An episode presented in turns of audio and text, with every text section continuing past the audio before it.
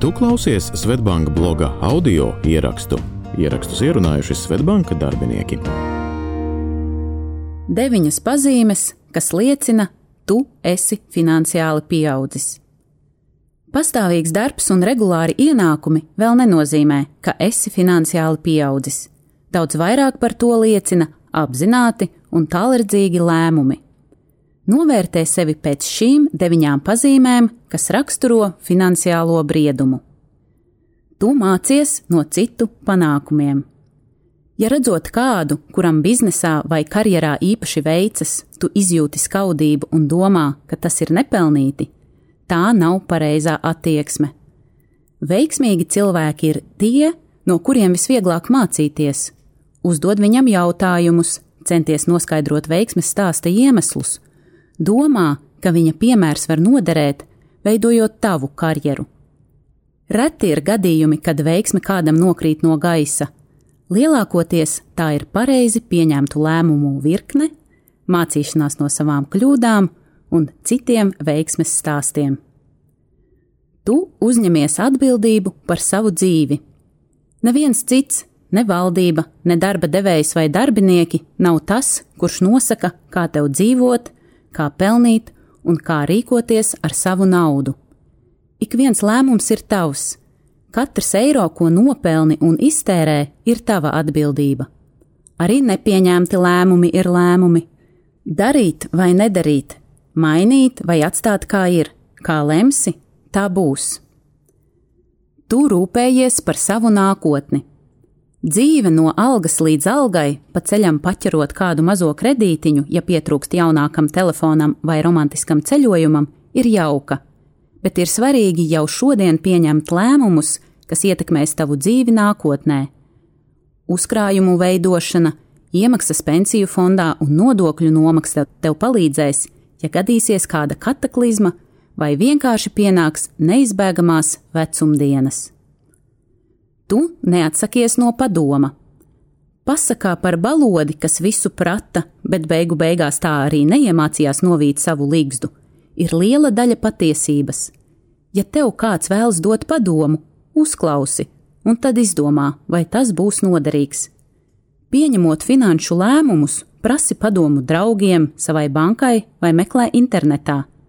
Muļķīgi ir veidot pašam savu pieredzi, neizmantojot to, kas līdzīgā situācijā ir bijusi citiem. Tu rūpējies par savu datu un naudas drošību. Pavirša attieksme pret dažādām parolēm un kodiem, kas ikdienā nepieciešami, lai rīkotos ar savu naudu internetā, nevienam vien beigusies ar rūktu pieredzi. Zināt un saprast, kam savus datus uzticēt, kā tos glabāt un rūpēties par to drošību, ir tik dabiski, ka reizēm jābrīnās, kāpēc tik daudz cilvēku to dara pavirši un viegli kļūst par slikto zēnu upuriem. Tu netērē vairāk, kā nopelni.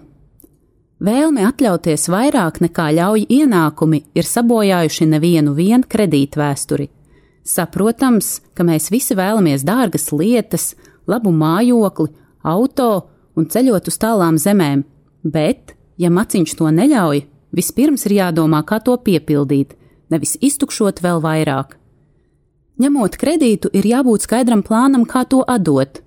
Ja tāda nav, varam sākt gaidīt nepatikšanas. Tu plāno savu budžetu.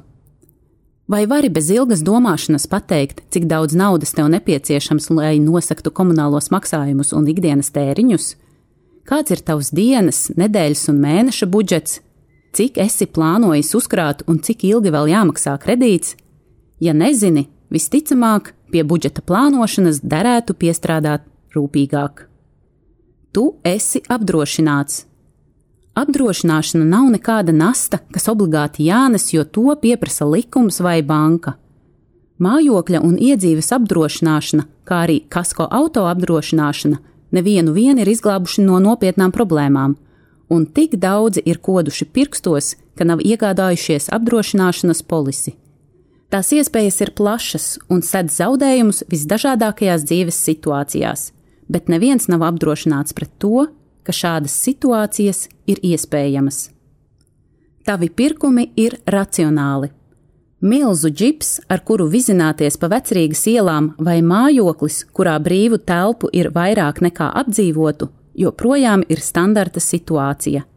Pat tad, ja vari to atļauties, ir vērts izvērtēt, vai patiešām nepieciešams ir tieši visjaunākais telefona modelis vai visdārgākā zīmola apģērbs. Reizēm tas nebūtu nenozīmē visaugstāko kvalitāti. Racionāli ir pirkt to, ko vajag, un tik, cik vajag, vai arī to, ko vari atļauties. Šo un citus rakstus iespējams izlasīt blog.svetbank.cl.